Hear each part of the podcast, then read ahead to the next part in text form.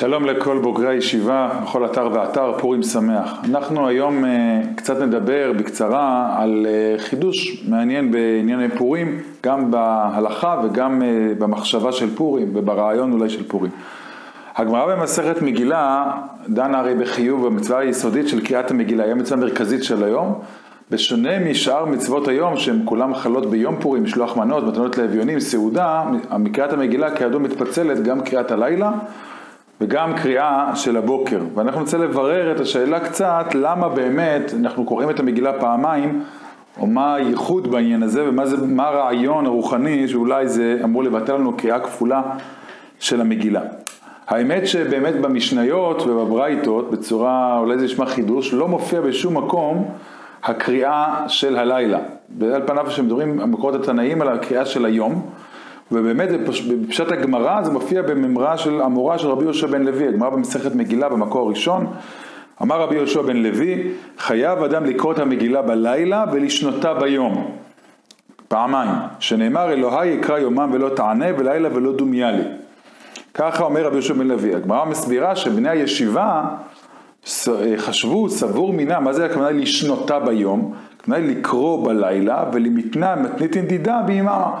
בתחילה סברו שלשנותה הכוונה היא בלשון המשנה, זאת אומרת לקרוא את המגילה בלילה ולשנות את המשניות ביום.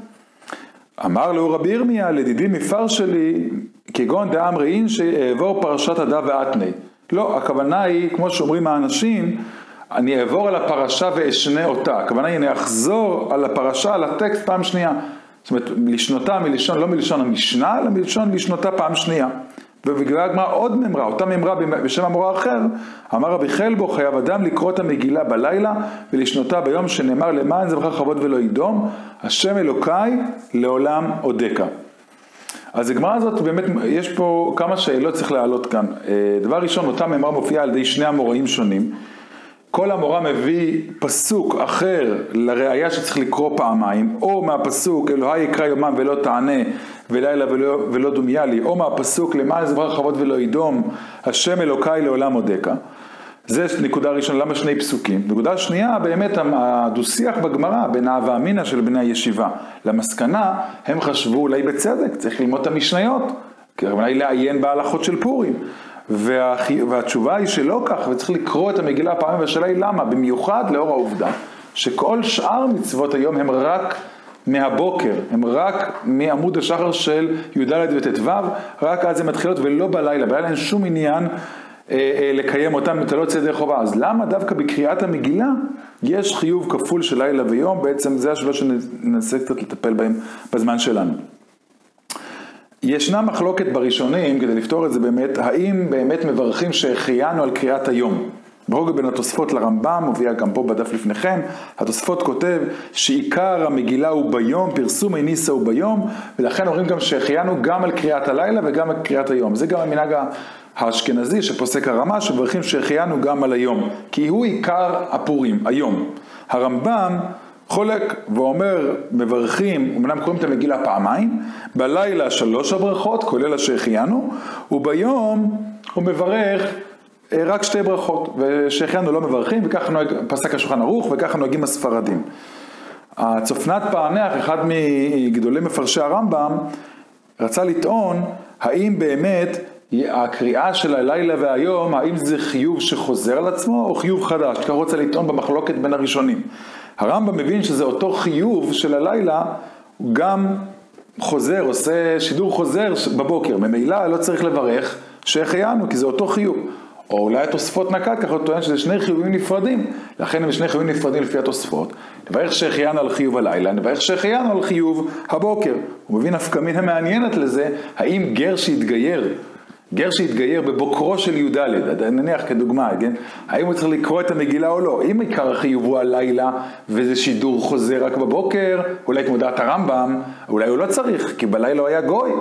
אולי בתוספות כן הוא מעלה את זה כאפשרות. על כל פנים, זה כבר נותן לנו ככה כניסה, לה, עוד פעם, לחידה הזאת באמת, מהו אותו חיוב כפול, שהראשונים יחלקו אם יש פה שהחיינו, מהו אותו חיוב, האם הם שני חיובים או חיוב כפול, אה, אה, חיוב אחד כפול, ולמה אנחנו עושים את העניין הזה, או מה ישתר, בסופו של דבר זה אותו מגילה, אותו טקסט, אז למה באמת לקרוא אותה פעמיים?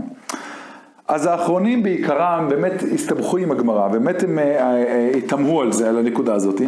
בעיקר הם תמהו על ההווה אמינא של בני הישיבה, שאמרנו שהם חשבו בתחילה לקרות את המגילה בלילה וללמוד את המשניות ביום. זו הייתה ההווה אמינא של הגמרא. באמת הטור אבן ומרומי שדה וכל האחרונים שאלו, מה זאת אומרת? הרי יש לנו משנה במסכת מגילה מפורש במקור חמש, אין קוראים את המגילה עד שתנץ החמה. כן, זו משנה בדף כ' מפורסמת, שקריאת המגילה בדיעבד מעמוד השחר לכתחילה מהנצח חמה. אז איך עלה בדעתם של בני הישיבה, בכלל לאו ואמינא, שהכוונה היא לקרוא את המגילה בלילה, ולומר ללמוד המשניות בבוקר. יש משנה מפורשת שהם הכירו אותה, אותם המוראים, שמקרא המגילה של היום מתחיל לכתחילה מהנצח חמה. אז מה הייתה בכלל לאו אמינא של בני ישיבה, שאין קריאת מגילה ביום, ככה הם הבינו, עד שהיה צריך להסביר להם, לא, אתה לקרוא את המגילה פעמיים, וראה זה באמת הווה אמינא קשה ביותר, ובאמת האחרונים נדחקו רבות בזה. חלק רצו לומר, הרב טור אבן בעצמו אומר במקור חמש, שהם הבינו שאולי מדובר בין עם הארץ לתלמיד חכם, הם חשבו שהמשנה לקמן מדברת על עם הארץ, עם הארץ יקרא את המגילה גם ביום, והתלמיד חכם למדן, למה עוד לקרוא את המגילה פעמיים?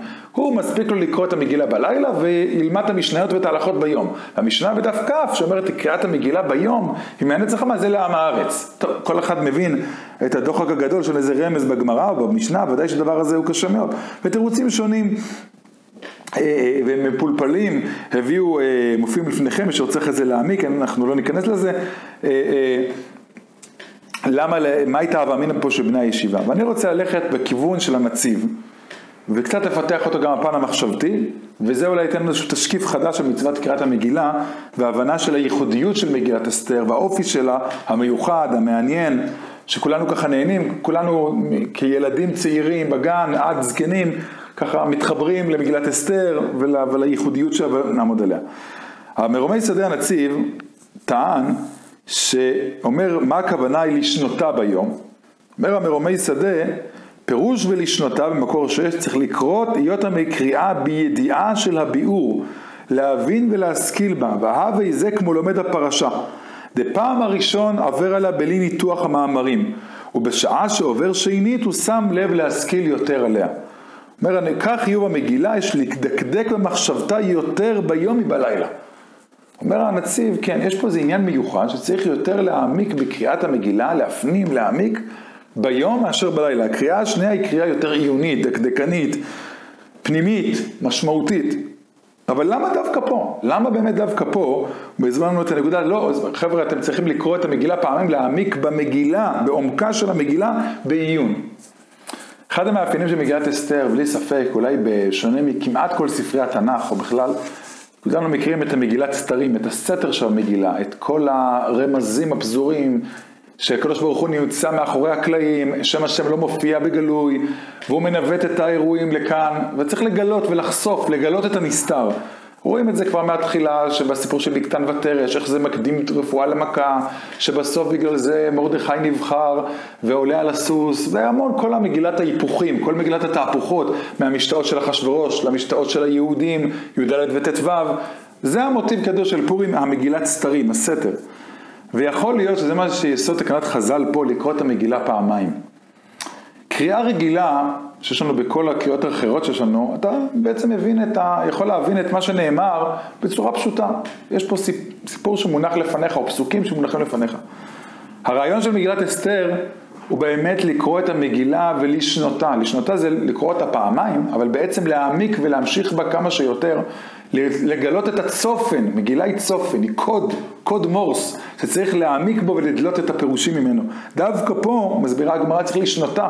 צריך לשנותה ולהעמיק בה ולהבין ולהשכיל עוד גילוי, עוד נקודה, זה הגילוי הסתר. יכול להיות שבאמת שתי הקריאות הללו של לילה ושל יום, חוזרים לפסוקים של הגמרא, לילה ויום, למה יש שני פסוקים?